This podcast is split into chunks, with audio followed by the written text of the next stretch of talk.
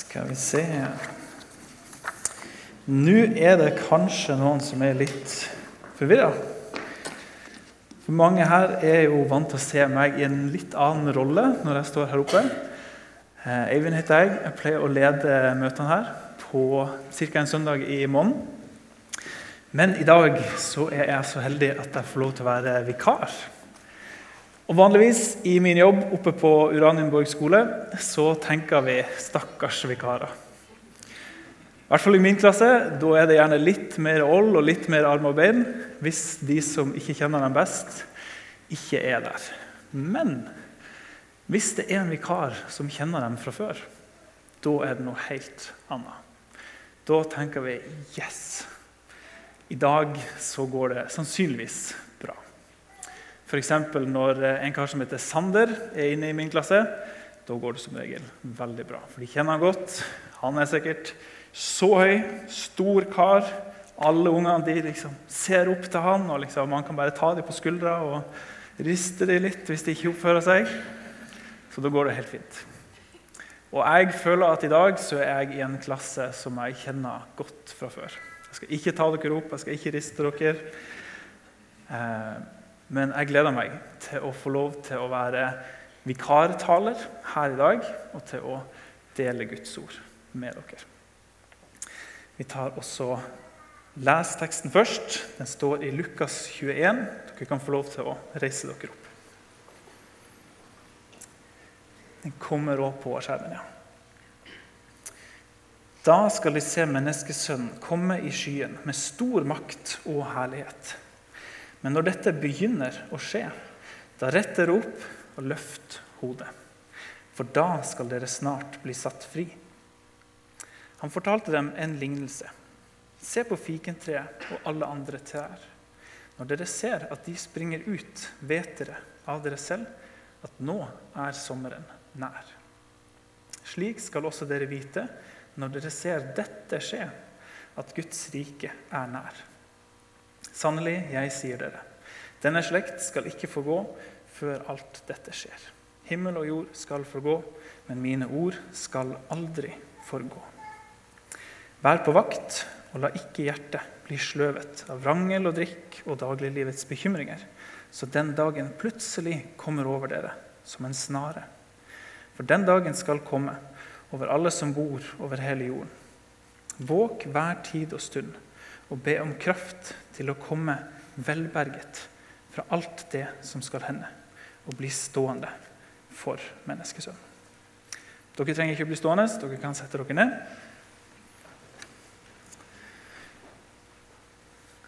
Yes. I dag, I teksten vår i dag så leser vi om et slags vårtegn. Vi leser om ei endring som skjer på trærne, og som vitner om at sommeren er nær. At sommeren snart er en realitet.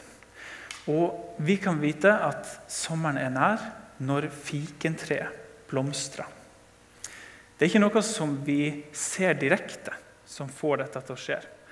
For at det er sevja som fins inne i greinene, inne i treet, som fører til denne blomstringa. Det er noe skjult som fører til forandringer.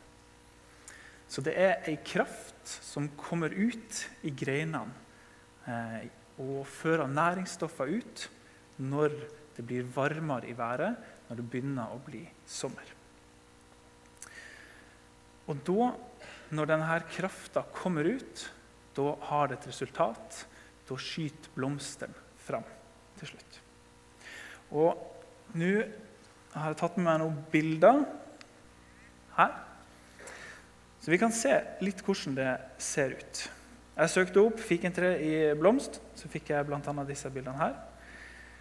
Og hvis vi ser på disse bildene her, så tror jeg at rent sånn intuitivt og følelsesmessig så tror jeg det er veldig mange av oss som tenker Wow, så fint. At vi opplever at dette som vi ser her, det er vakkert. Jeg tror faktisk ikke jeg kjenner noen mennesker som hadde sett på verken disse bildene her eller et virkelig fikentre i blomst, og så hadde de tenkt æsj, hysj, så stygt, få det bort, ta bort det der bildet. Jeg vil ikke se på det. Hvis jeg bruker fantasien og strekker det litt, kanskje, så kan jeg kanskje se for meg noen av foreldrene til de litt mer velstående Frogner-elevene mine. Så kan jeg kanskje tenke meg at de kunne sagt noe sånt som at ja, dette var da noe, men Picasso han hadde noe litt mer schwung over sakene. Men de fleste av oss, selv om man kanskje kan tenke seg at noen foretrekker abstrakt kunst, eller sånt, har en evne til å oppfatte at skjønnheten fins i naturen. Uavhengig av liksom, hvilken sosioøkonomisk status man har. Og jeg tror vi har at denne spontane reaksjonen som vi har når vi ser noe vakkert, den henger sammen med noe annet. Jeg tror at den er knytta til at vi har en evne til å forstå at det her vakre den skjønnheten som vi ser foran øynene våre, den henger sammen med noe mer. For det at noe er vakkert og estetisk fint eller pent eller fint, det er jo til en viss grad litt sånn tilfeldig og litt kulturelt betinga. Det kan være litt forskjellig fra land til land, fra verdensdel til verdensdel. Men den evnen vi har til å forstå at det fins en årsak bak dette her, det fins en grunn til at blomster springer fram, den er universell for alle mennesker til alle tider. Vi forstår at det kan liksom ikke skje av seg sjøl, men at det har en årsak. Og så vekker det kanskje nysgjerrighet, kanskje vi blir fascinert. Og kanskje for noen så vekker det òg en sånn slags ærefrykt.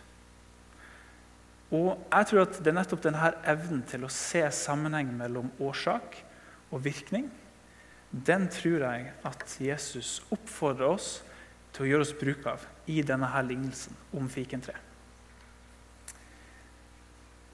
Han sammenligna blomstringa med et tegn som vi skal kunne se på at han sjøl, menneskesønn, skal komme tilbake i skyene. I versene før vår tekst så har han beskrevet noen av disse tegnene til disiplene. Det er snakk om forskjellige ting. Blant annet så er det jordskjelv, det er krig, tegn i sol og måne og stjerner. Det skal være angst og rådløshet, blant andre ting. Og de her tegnene som Jesus snakka om eh, i versene før den teksten som vi leste nå, endetidstegn, kan vi kalle det. Det er jo på en måte tegn som har vært til stede i større eller mindre grad egentlig gjennom hele verdenshistorien. Så det er ikke nødvendigvis så lett for oss å liksom se et sånt tegn og så vite at liksom, ja, nå skjer det. For det har på en måte alltid vært sånn. Det er ikke nødvendigvis så enkelt å spå akkurat når Jesus kommer tilbake.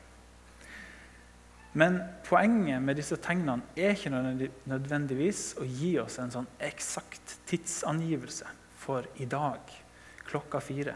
Da skjer det. Hensikten er nok heller at disse her tegnene skal holde oss våken og gjøre oss klar når han kommer. Holde oss våken sånn at vi er klar når han kommer.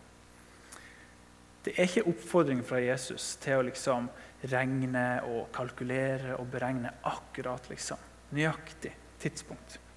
For vi vet det fra Markus kapittel 13 eh, vers 33, der gjør Jesus et poeng nettopp eh, av det at vi vet ikke dagen eller timen når han kommer. Det er ikke kjent for oss. Det som han derimot på en måte gir instruksjon til disiplene sine her om å eh, gjøre, det er i vers 36, som vi leste, våk hver tid og stund og be om å få kraft til å komme velberget fra alt som skal hende, og bli stående for menneskesønn. Eh, og jeg tror at det er nettopp denne som sagt, evnen til å se sammenhengen mellom årsak og virkning eh, som vi skal bruke for å holde ved like denne årvåkenheten, den bevisstheten som gjør at vi holder oss våken. Eh, en fantastisk bok som heter 'Sofies verden'. Der forklarer forfatteren Jostein Gaarder eh, noe av filosofien til Immanuel Kant, kjent tysk filosof. Han forklarer det gjennom ordene til Sofie Amundsen sin mystiske filosofilærer Alberto Knox. Eh, og Alberto forklarer for Sofie at Immanuel Kant mener at vi mennesker vi er begrensa i vår evne til å forstå virkeligheten rundt oss. F.eks. så er vi ikke i stand til å oppfatte virkeligheten uavhengig av tid og sted. Det er på en måte to kategorier, to måter å tenke på, som vi er nødt til å bruke, uansett hva. Og vi er rett og slett ikke i stand til å tenke uavhengig av de to kategoriene. Du kan jo gi det et forsøk. Prøv å forestille deg at du ikke er her og nå, men at du eksisterer på en måte som er forskjellig fra det. Det er ikke helt enkelt. Det er ganske lett å forestille seg at du er på et annet sted. Kan tenke deg et varmt og godt sted, kanskje en strand, noen palmer. Det er ganske enkelt. Eller kanskje du kan også tenke deg at du eksisterer en annen, i en annen tid. Kanskje du kan tenke deg tilbake til Jesu tid. Å, det hadde vært fint å kunne liksom møte Jesus ansikt til ansikt. Eller kanskje du kan se for deg et eller annet sted i framtida. Begge de to tingene det får vi til. Det er bare å putte seg sjøl et annet sted eller en annen tid. Men det er ikke så lett å liksom forestille seg virkeligheten på noen annen måte enn det. Det går rett og slett ikke an, ifølge Immanuel Kant. Så vi er begrensa til det. Men Kant hadde også en tredje kategori, som han mente at vi er nødt til å forstå virkeligheten ut ifra. Og det var sammenhengen mellom årsak og virkning. Og Alberto, han her mystiske filosofilæreren til Sofie, han syns jeg har en veldig sånn finurlig måte i boka å forklare denne her, den siste, tredje kategorien for Sofie. Så Jeg skal prøve å forklare for dere, eh, gjengitt fritt etter min egen hukommelse og med mine egne ord. Eh, og jeg skal gjøre det fordi at for meg så har den måten å forstå meg sjøl og mennesker og hvordan vi tenker, den har nesten blitt et lite gudsbevis for min egen del. Et litt sånn eh, Ikke bombesikkert, men et mer intuitivt gudsbevis. En, kanskje en følelse. Eh, og jeg tror det er litt av poenget til Jesus i dag òg.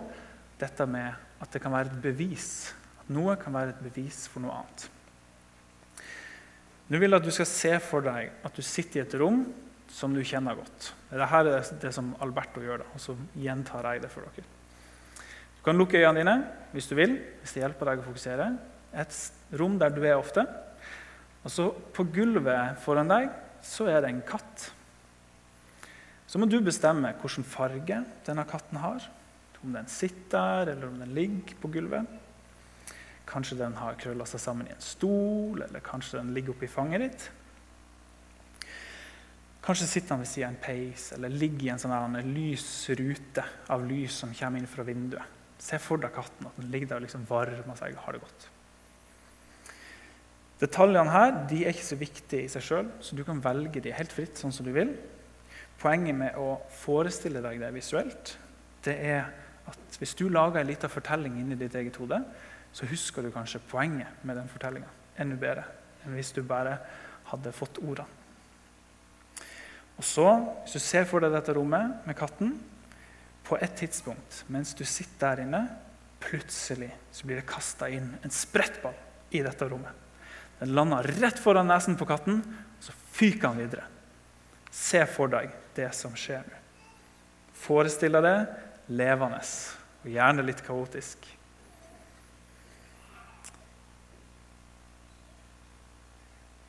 Du trenger ikke å fortelle meg hva det er du ser for deg nå. For Sannsynligvis så ser også jeg for meg noe ganske lignende.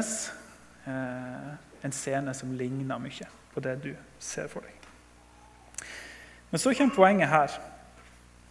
Og det er ikke hva katten gjorde. Kanskje katten gjorde noe sånn som eh, det her.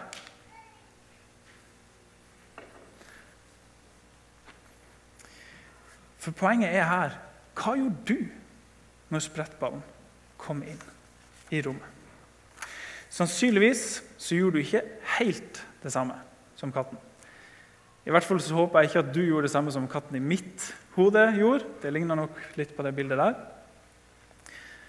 Nei, men du tenkte sannsynligvis noe. Du tenkte kanskje på hvem var det som kasta den ballen.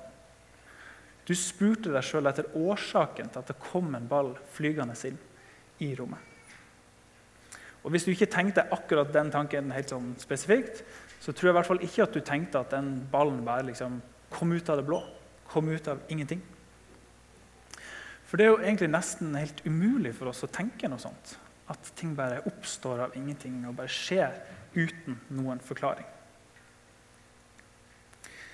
Vi vet jo ikke helt hva en katt tenker kan jo hende at de òg til viss grad har en eh, evne til å forstå litt sånn årsak og virkning. Eh, de regnes jo som intelligente dyr, i hvert fall av eh, noen mennesker. Kattemennesker. Men ja, de klarer å skjønne forskjellen eller årsaken mellom ok, maser jeg på matmor, så får jeg mat i bollen. Så, ok, Men det er ikke poenget. Poenget er ikke at mennesker og dyr ikke nødvendigvis at det er bare mennesker som kan forstå årsak og virkning. Poenget her er at vi klarer ikke å tenke oss virkeligheten uavhengig av denne tredje kategorien. Og Det er jo da poenget til Alberto Noggs, og som jeg også har lyst til å ta med meg. Han snakka en del om Gud, han her han Alberto, i boka. Og Immanuel Kant hadde òg en tanke om Gud. Eh, men det var ingen av de som så langt jeg vet, gjorde det poenget som jeg har lyst til å gjøre nå. At dette her blir et slags lite gudsbevis. At vi ikke klarer å forstå virkeligheten uavhengig av årsak og virkning. For jeg tenker det at hvis Gud skaper eh, vesener som han ønsker å ha et fellesskap med, så virker det naturlig at han skaper dem med en evne eh, til å oppleve at det er sammenheng mellom at vi er her, og at han har forårsaka det i utgangspunktet. Det blir en sånn slags anelse som blir svaret på det store spørsmålet om hvorfor vi er her. Det er en sammenheng mellom skaperen og det skapte. Så Gud skaper et univers prega av årsak og virkning. Han lager oss som skapninger i dette her universet med en gudgitt evne på en måte, til å kunne oppfatte universet akkurat sånn. Og vi kan faktisk ikke forstå universet, i hvert fall ifølge Immanuel Kant, på noen annen måte enn som at det har sammenhenger mellom årsak og virkning.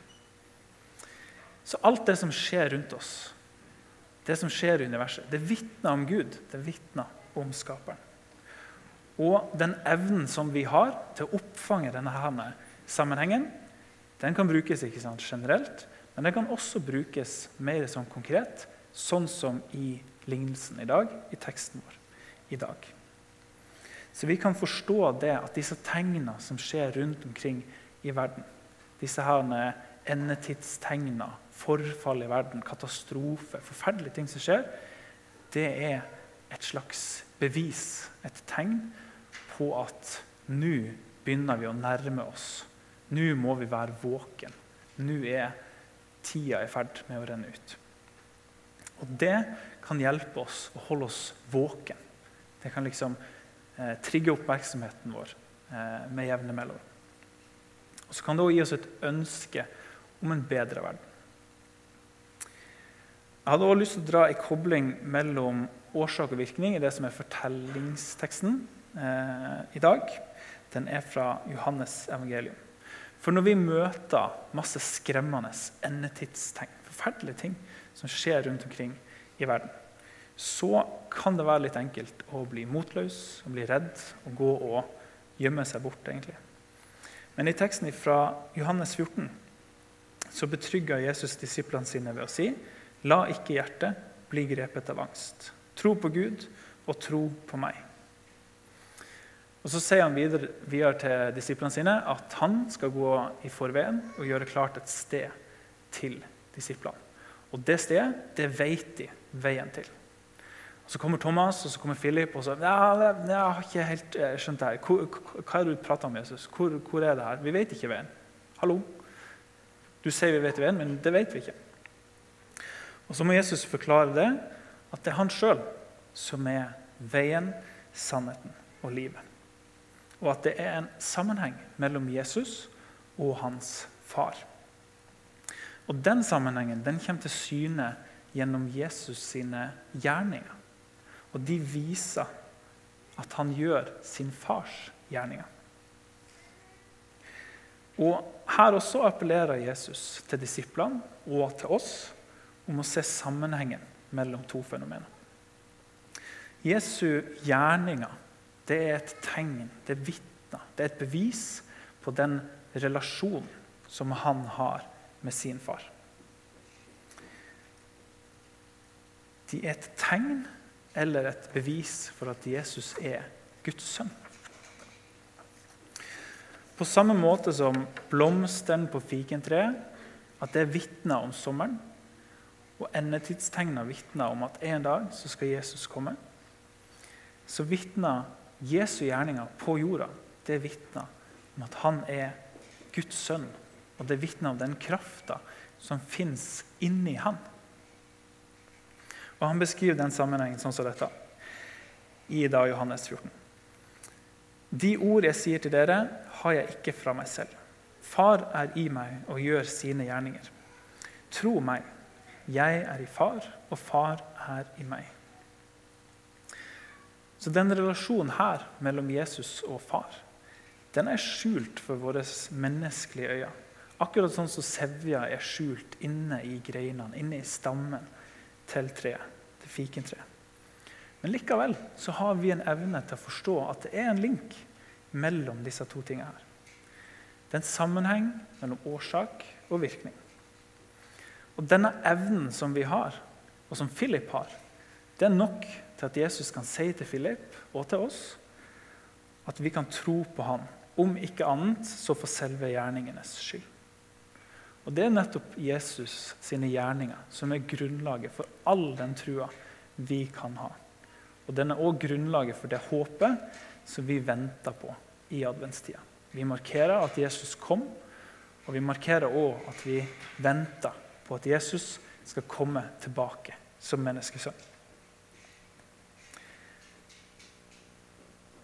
Men både i adventstida og resten av året så tenker jeg at det at vi skal vente på Jesus, det betyr ikke det samme som at vi skal liksom sitte med hodet mellom beina og liksom uff og uff og akk og ve for at det er så masse endetidstegn og det er så fælt.